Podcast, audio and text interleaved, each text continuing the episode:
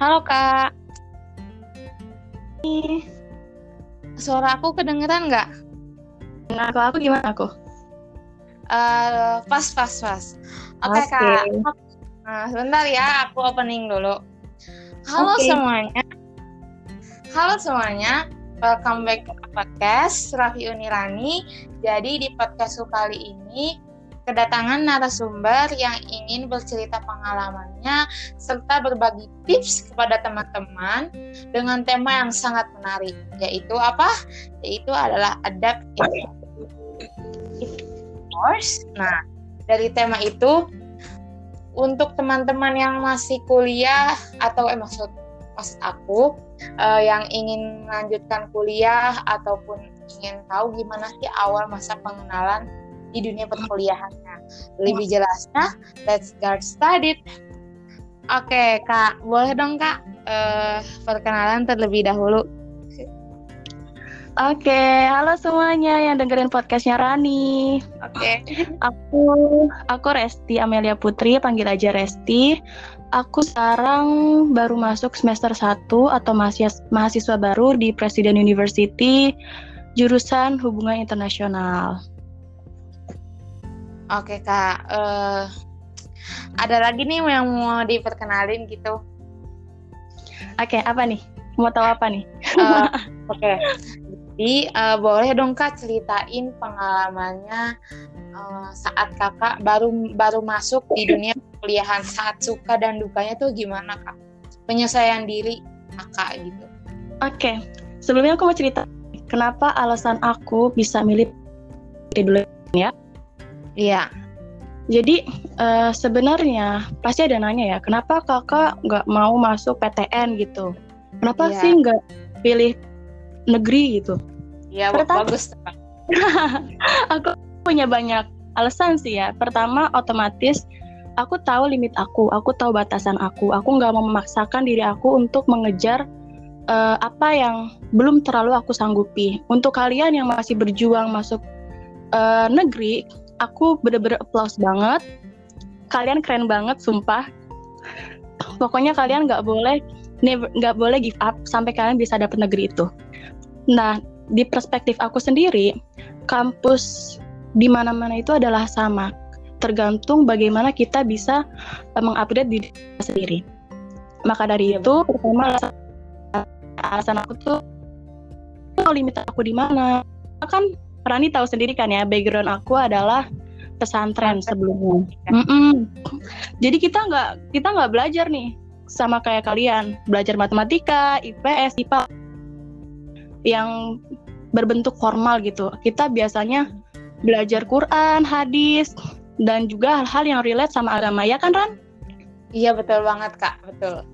Uh, dan itu salah satu batasan aku untuk bisa mengerti pelajaran-pelajaran formal hanya dalam satu tahun gitu. Ya ampun iya. itu bikin kepala aku pusing banget kan? Iya. Tapi apresiat diri itu bagus kak. Bisa kakak oh. belajar selama satu tahun buat belajar akad akademik. Mm -mm.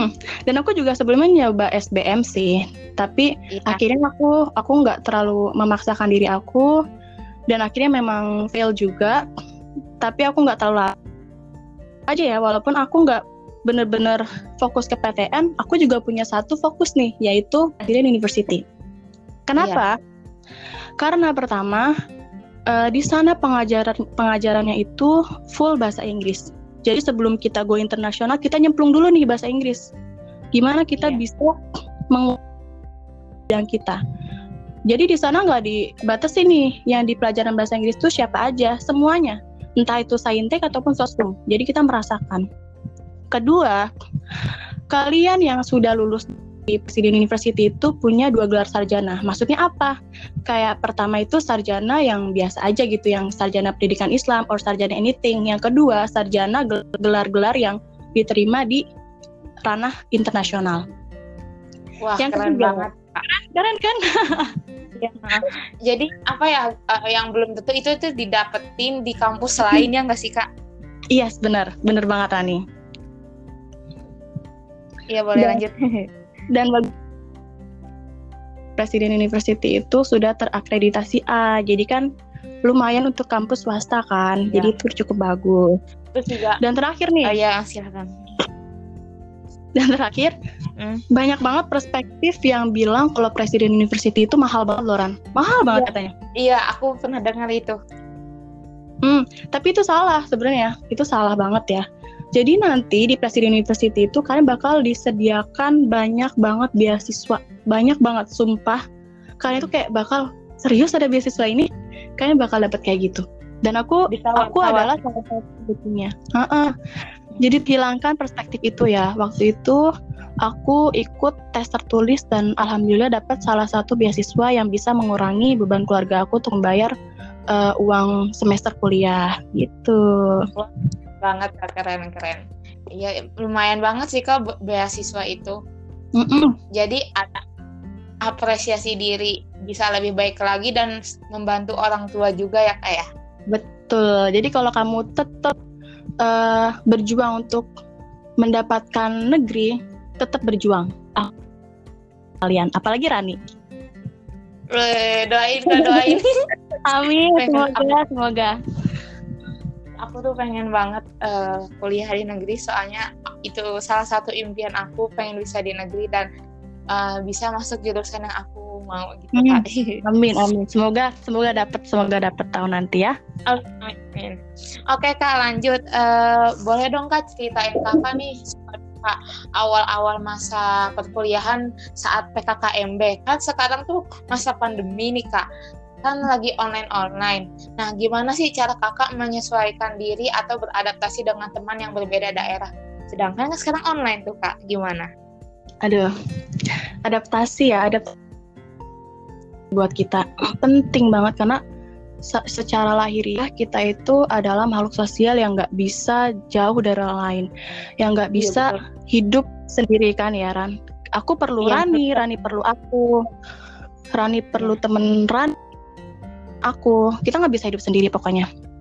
Betul. Dan adaptasi itu penting. Apalagi kita ada di lingkungan yang baru untuk kalian-kalian yang apa namanya pergi ke daerah lain itu perlu banget adaptasi ya, ya rantauan karena gitu ya, adaptasi ya? uh, rantauan itu kan perlu banget tuh kemampuan beradaptasi atau kemampuan menyesuaikan diri di lingkungan di lingkungan baru Betul. untuk aku pribadi beradaptasi di kondisi saat ini ya apalagi pandemi dan kita harus melaksanakan uh, kegiatan kampus secara daring atau online itu terbilang sulit.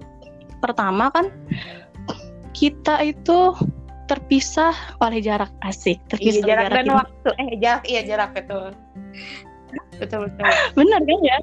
Aku sama teman-teman aku tuh jaraknya jauh-jauh, ada yang dari Papua, ada yang dari Bali, Kalimantan, Aceh. Jadi hampir ada di seluruh Indonesia. Wah, keren keren. Ya, Nanti Rani juga dapat nih teman-temannya. Iya. Hmm. Dapat relasi banyak banget ya kak, pastinya. Nah itu salah satu uh, efek dari adaptasi nih, dapat relasi yang banyak. Nah, yang kedua, koneksi kita itu koneksi internet ya. Koneksi internet kita itu nggak semuanya stabil. Iya betul. Secara merata tuh cepat semua. Ada beberapa tempat yang masuk ke Google aja tuh nggak begitu kan? Susah ya Ran? Iya. Betul banget. Nah, apalagi yang maksudnya daerah daerah yang kurang jaringan gitu ya hmm. kayak itu paling parah sih kasihan juga kan ya tapi mau iya. gimana lagi ya karena kondisi pandemi juga yang nggak memungkinkan untuk survei pun offline iya betul benar-benar menurut aku menurut aku pribadi untuk pasti juga dan sulit gitu karena kan saat kita ber iya. diri kita dengan yang lain itu kan yang namanya feedback. Kita harus melihat uh, gesture tubuh mereka, apakah mereka menerima percakapan kita, apakah mereka menolak atau mereka tahu nih kita nggak bisa memprediksikan. Oh mereka sama kita, oh mereka tuh apa namanya seneng nih sama ucapan kita atau feedback dari kita. Kita nggak tahu kan. Sementara daring betul bang. Ah, sementara daring misalnya via Meet, Google Meet, or uh, Zoom mereka bisa aja gitu lain gitu dari feedback kita itu aku aku bilang sulit sih. Dari waktu PKKMB atau kalau di Presiden University itu bilangnya STO Oh iya iya. Uh, jadi di sana itu STO-nya sekitar lima hari. Dan dibagi per grup ada 30 grup yang isi puluhan lebih orang. Dan aku hmm. alhamdulillah bersedia untuk jadi ketua salah satu grup di mana aku harus bisa memanage orang di teman. Uh, teman baru. Beda kan ada yang orang Bali iya, dengan juga. Yang uh, gimana ataupun orang Sunda mana ataupun orang Jawa ataupun orang mana dan aku harus mengerti kriteria mereka. Aku harus mengerti karakter mereka kayak gimana gitu kan. Itu ada iya, betul. susah banget gitu kan kita nggak tahu feedback mereka. Iya. cuman WA ya iya, pun itu susah sumpah. Dan kalau di daring atau online pun nggak ngefeel gitu kita nggak ngerasa. Karena kita nggak hmm. benar-benar in touch sama mereka gitu.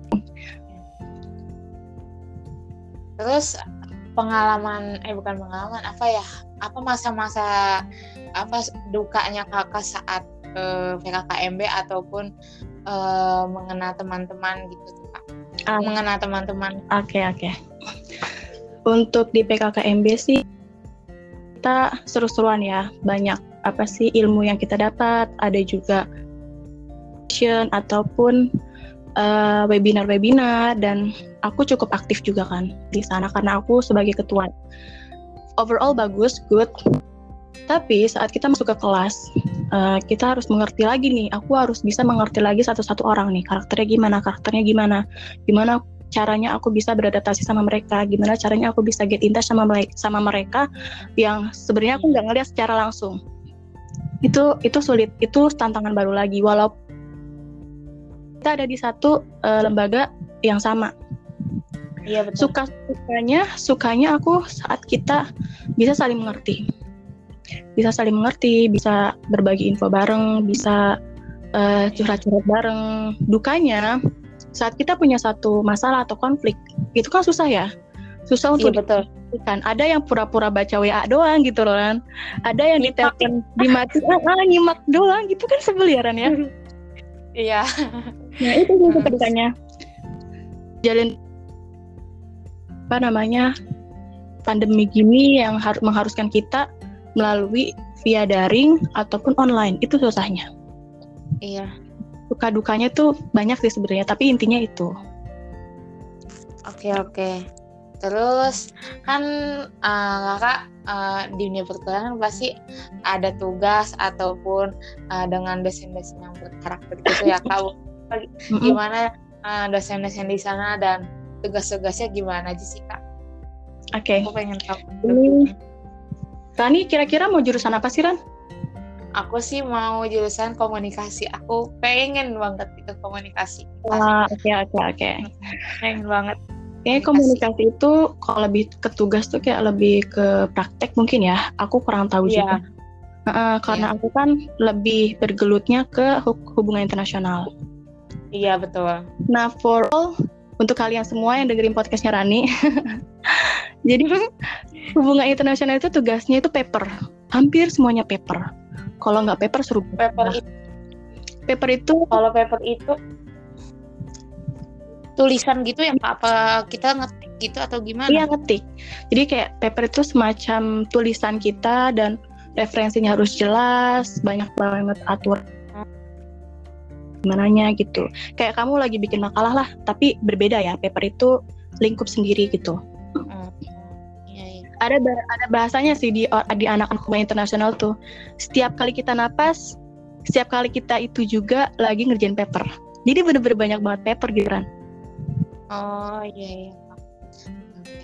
Kan gini ya kan sesuai tema kita adapt in new college uh, mm -hmm. di dunia perkuliahan it uh, would be worse itu pak bisa jadi buruk. Nah boleh dong kak uh, Alfa tuh kenapa sih beradaptasi di, di, di dunia perkuliahan bisa jadi lebih uh, buruk gitu loh?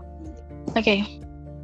Sebenarnya beradaptasi di mana pun itu menghasilkan hal kan hal yang positif ya tapi ya hidup kita itu kan bertambah kan uh, volumenya.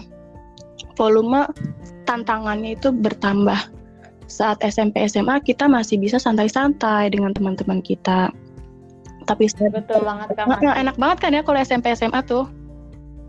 Iya belum ngerasain beban istilahnya hmm. gitulah beban hidup. Kayak masih tanggungan orang tua iya, gitu ya. asik aja. Tapi saat di dunia perkuliahan hmm. kalian tuh harus pinter-pinter cari temen yang satu frekuensi. Maksudnya apa kalian punya pandangan yang sama kalian punya visi misi yang sama kalian punya satu interest yang sama gitu. Saat kalian bergaul ataupun uh, salah beradaptasi nanti jatuhnya kalian nggak akan disukai. Kalian salah memilih teman gitu loh. Jadi bisa berdampak ke masa depan juga ya kak? Yes benar benar banget. Apalagi saat kalian bisa mencari mencari teman baru itu. Mana yang circle circle apa ya circle circle circle yang sebenarnya bukan kamu banget tuh bisa masuk aja gitu yang bisa narik kamu. Itu tergantung dari kamunya sendiri ya kayak kamu itu mau mewarnai orang lain atau diwarnai or oleh orang lain gitu. Iya betul.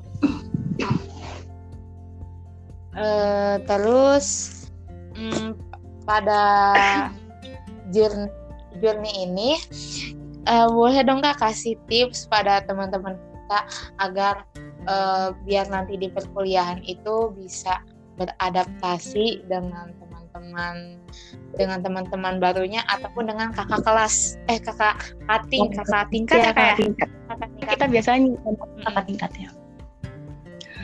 Terus eh udah lanjut dulu lanjut dulu. Tipsnya ya tips dan caranya gitu. Tips tips menurut aku ini ya ini tips ala aku dia the passion of you jadi tips ala aku itu ada lima ingat ya ada lima Oke, catat nih teman-teman ya, Ran. Oke, sih. Pertama itu bersikap jujur dan apa adanya. Bihan.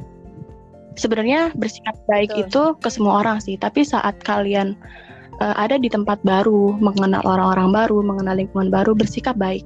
Bersikap jujur tentang diri kalian, gimana kalian memperkenalkan diri kalian ke lingkungan baru kalian.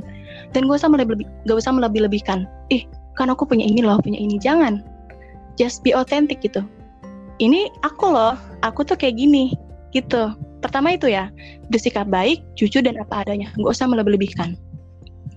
Yang kedua the passion of mm, ya harus harus kayak gitu Ran kalau nggak kayak gitu nanti iya. orang-orang mikirnya ih apa sih? Kok dia kayak gitu? Gitulah iya terus juga nggak sesuai dengan kenyataannya bisa jadi gitu nggak sih itu kan hal yang paling sakit kalau jatuh kan ya saat ekspektasi ini. Iya, eh ternyata aslinya kayak gini tuh sakit banget gak sih Ran? Kayak gitu. Iya betul, betul. Gitu ya. Pokoknya itu tips pertama. Tips kedua bersikap ramah. Sebenarnya ramah itu juga nggak hanya untuk orang-orang baru dan lingkungan baru sih. Ke semuanya. Entah itu tua atau muda perempuan atau lelaki dengan jabatan apa pun kalian harus bersikap ramah. Terlebih lagi kalian ada di lingkungan baru. Jangan bersikap semena iya. jangan bersikap se, se apa ya? Seakan kalian itu as a boss. Mentang-mentang kalian iya mentang-mentang kalian ada di apa ya? Jabatan, jabatan yang tinggi ataupun punya ekonomi iya. menengah ke atas kalian bisa seenaknya gitu loh nggak nggak bisa gitu tapi kita harus ramah dulu sama orang kayak apa ya if you want to be served dengan baik. Kalau kalian mau di-serve dengan baik, maka kalian harus serve orang lain dengan baik. Kalau kalian ingin diperlakukan dengan baik, maka kamu juga harus memperlakukan orang lain dengan baik, gitu loh. Timbal balik. Iya betul. Dapat feedback. Betul. Ya kalau kalian bersikap jahat, bersikap apa ya kurang enak, kalian akan dapat feedback yang sama, gitu. Intinya itu harus ramah ya Ran. Iya betul kak. Ingat Ran kalau nanti di kampus harus ramah ya Ran iya oh ya kak kan gini ya kan kata kak sendiri kita harus bersikap ramah mm-hmm. nah uh, pasti kan ada orang tuh ya kayak yang belum yang nggak bisa menerima kita atau dia tuh yang nggak enak maksudnya gimana ya kayak kurang suka ke kita apa tuh kak respon kita untuk bisa me, apa ya menghadapi sikap dia yang seperti itu kan pasti di dunia perkuliahan banyak banget sikap-sikap yang berbeda-beda gitu. Oke. Okay. Saat mereka nggak ramah ke kita gitu ya Ran? Iya betul. Jangan ikuti sifat mereka yang mereka tunjukin ke kita.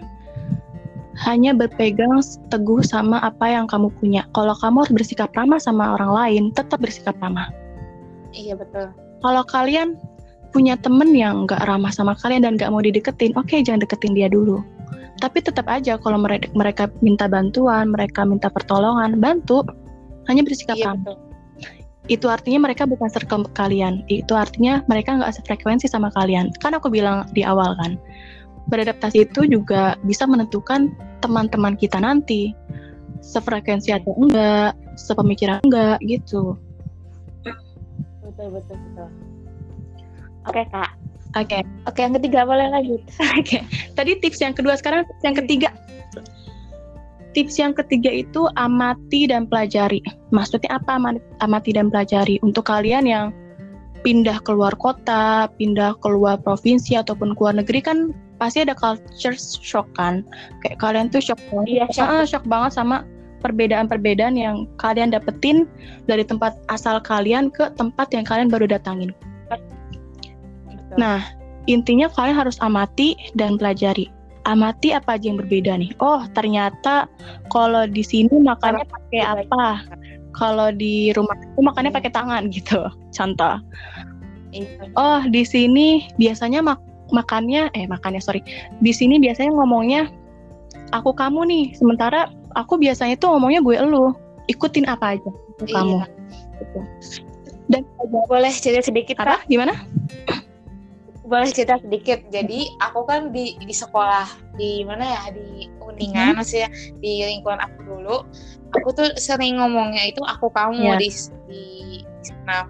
Sedangkan aku balik ke sini itu kayak ngomong aku kamu itu kayak yang seolah-olah itu alay padahal Iya benar benar um, Seolah-olah alay ataupun apa sih nih orang ngomong alay, eh, aku kamu kayak uh, orang apa gitu kayak yang uh, gitulah pokoknya dan akhirnya ya aku berusaha menyesuaikan diri agar bisa uh, menyesuaikan menyesuaikan lingkungan dengan mereka gitu. Ya, uh, sih. Emang bener banget ya, sih. Kan? Setiap setiap tempat itu beda-beda, makanya kita harus bisa mengamati dan mempelajari itu. Kalau kita nggak mengamati dan mempelajari, otomatis kayak secara halus kita itu ditolak sama masyarakat mereka gitu. Betul betul betul Pak. Aku pernah ngerasain itu. Ya. I relate. Deketin gitu ya Nadia. iya betul betul. Harus amati dan hmm. pelajari itu untuk kalian yang apa namanya pindah keluar kota ataupun pindah ke mana pun itu yang emang adatnya beda, terus etikanya beda, ataupun sesuatu hal-hal yang biasa kalian lakuin sama yang mereka lakuin itu beda. Amati dan pelajari itu aja. Itu udah tiga ya. Yang keempat, iya. Kalian harus tetap tenang dan percaya diri. percaya diri sih intinya itu. Kenapa percaya diri? Diri kalian itu aset berharga untuk kalian sendiri, makanya kalian harus percaya diri gitu. Ini ini itu aku gitu. Kalian tuh harus show kalau yeah. kalian adalah diri kalian sendiri. Kalau kalian punya diri kalian gitu. Yeah. Jangan malu gitu. Apa ya? Walaupun kalian yes, pernah yeah. merasa insecure gitu. Insecure itu kan kayak salah satu keadaan yang uh, kalian teman gitu ya. Insecure itu sesuatu hal yang bikin kalian malu untuk menghadapi kenyataan. Asik kita lah pokoknya intinya. Iya betul betul. Iya iya uh. tapi dalam insecure itu juga jangan membuat kalian menjadi negatif. Contohnya gimana? Saat kalian insecure sama teman kalian yang lebih pintar atau lebih cantik kalian jadi nggak bisa nge-show diri kalian. Kalian tetap harus diri. nah gitu Ran. Nggak boleh nggak boleh kayak gitu iya nggak boleh emang. Gimana pun ya, terus kalian kan? gimana pun kalian kalian harus percaya diri karena kalian itu punya kalian gitu. Jangan jangan bandingin. Unik apa hmm, kita itu unik. Kita punya kelebihan kita punya kekurangan. Mereka juga. Mereka punya kelebihan mereka punya kekurangan. Atau di samping itu mereka juga insecure loh sama kita. Insecure sama kita yang kayak iya, gimana. Betul. kan kita nggak tahu ya Ran ya?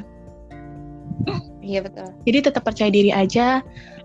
Percaya diri itu apa ya menguatkan aura kita loh kayak ih ini orang ini orang ini orang gitu loh kayak orang memandang kita tuh punya aura yang kuat makanya kita harus percaya diri sama diri kita sendiri dan tetap tenang tenang aja gitu sama apa pun yang ada di sekitar kita gitu Ran itu tips yang keempat oke. Dan tips Jelas, yang terakhir nih, asik. Tips yang terakhir. Aku selalu nyantumin tiga kata ajaib. Tahu nggak Ran? Tiga kata ajaib Ran? Eh, apa tuh kak boleh tahu nih penasaran. Oke. Tiga kata ajaib yang sering kita denger nih ya. Itu ada minta tolong, maaf dan terima kasih. Oh tiga tiga tiga T ya Nah, kak Kim. tiga P. Tolong. Lupa Rani. Kenapa kak? Kamu lupa? Oh aku aku pernah dengar itu waktu pas aku di pesantren. Ah. Terima kasih. Heeh. eh, meminta maaf. Ya. Terus eh, apa ya satu lagi ya meminta maaf. Meminta Terima kasih. Oh ya meminta tolong. eh, meminta maaf dan terima kasih gitu ya. Iya itu. Itu tiga kata ajaib. Di mana pun kalian Betul-betul. harus uh, menggunakan kata itu. Sebenarnya nggak cuman ada di lingkungan baru sih, kayak di sekitar kalian juga harus kayak gitu. Itu udah termasuk Di mana pun kalian berada ya kak. itu udah termasuk adab dan etika sih menurut aku. Kayak kalau kalian nggak pakai tiga kata ajaib itu terkesan nggak sopan, nggak punya etika, nggak punya sopan santun. Maka dari itu tiga kata ajaib itu apa namanya harus selalu dipakai. Masa ya kalian apa namanya kalau pertama kali ketemu, woi woi, lu tahu ini nggak? Lu tahu itu nggak? Kan nggak mungkin kan ya? Iya. Harus minta Ya kurang sopan gitu. Iya, kurang sopan. Walaupun kalian ada di tingkatan mana gitu. Walaupun kalian orang-orang kaya, walaupun kalian orang-orang yang dipandang baik di masyarakat tempat kalian Betul. berada. Tapi kan beda di tempat lain. Gitu. Iya. Itu ada lima Oke oke. dari aku ya. Tadi masih ingat nggak tipsnya Ran? Ayo nggak dicatat nih Rani. Kita masih Apa? masih masih. Kita coba. Yang pertama, yang pertama adalah jujur. Heeh. Eh, t- eh, yang pertama itu memperken- memperkenalkan diri kalian dengan jujur, baik dan tidak usah berlebihan. Hmm, terus. Itu. Terus yang kedua itu kita harus bersikap ramah di mana pun kalian berada. Jadi mau mau kalian eh, dengan teman ataupun dengan orang tua ataupun dengan siapa pun itu kalian harus bersikap ramah. Mm-mm. Yang ketiga adalah amati dan pelajari. Jadi sebelum kalian ingin berjelajah apa ya? Jadi sebelum kalian ingin menempati beradaptasi baru di lingkungan baru, kalian uh, lebih baiknya amati dan pelajari dulu apa itu budaya di sana ataupun uh, tradisi di sana, uh, perilaku sosialnya gimana gitu deh. Cakep. Terus, nah ya yang keempat yaitu tetap tenang dan percaya diri. Jadi di mana pun kalian itu harus percaya diri. Kenapa? Karena kalian itu punya uh, keunikan kelebihannya sendiri yang Hmm, orang lain belum punya itu. Ya nggak sih kak? Betul banget. Jadi jadi yang ada diri di- yang ada di diri kita belum tentu ada di diri orang lain. Jadi jangan pernah ngerasa insecure. gitu Good, good, good. yang ke- yang terakhir adalah eh, tanamkan tiga apakah tiga kata ya Tiga iya tiga kata ajaib yaitu meminta maaf terima kasih gitu ya Yes. kak dan dan terima dan minta tolong jadi karena karena kita ada manusia sosial jadi eh, kita harus eh, tanamkan kata itu So- soalnya dengan menanamkan kata itu kita bisa meningkatkan eh, perilaku baik kita ataupun eh, sikap empati kita terhadap orang lain gitu ya Good. kayak 100 buat kamu. Oke oke oke oke oke nih kak terakhir eh, sebelum menutup podcast kali ini boleh dong kak pesan sedikit pesan a little quotes buat teman-teman semua Little quotes ya. Aku sering banget ngomong ini ke teman-teman aku. Iya. Aku sering banget ngomong ini ke adik-adik kelas aku dulu waktu di pesantren. Entah itu Rani masih ada apa enggak, aku lupa ya Ran. Jadi Iya, iya, iya. kata aku itu Mhm. don't follow your mood but follow your dream. Rani tahu nggak? Uh, yeah, I ever see the quotes from you.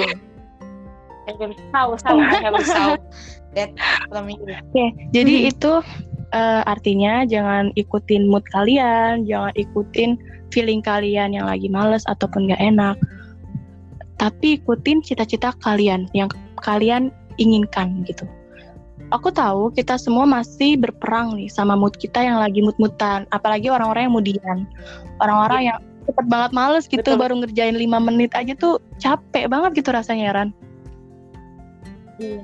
pernah uh, pusing gitu banget enak gitu, rebahan kan ya kalau kita mah ya betul nah hmm. tapi jangan kayak gitu kita nggak boleh ikutin mood kita gitu tetap harus ikutin apa yang kita inginkan ingat berakit-rakit ke hulu nanti gimana kita harus capek dulu kita harus apa namanya bisa memanfaatkan waktu kita dengan baik. Kita harus mampu untuk menangkal semua mood kita yang jelek-jelek gitu.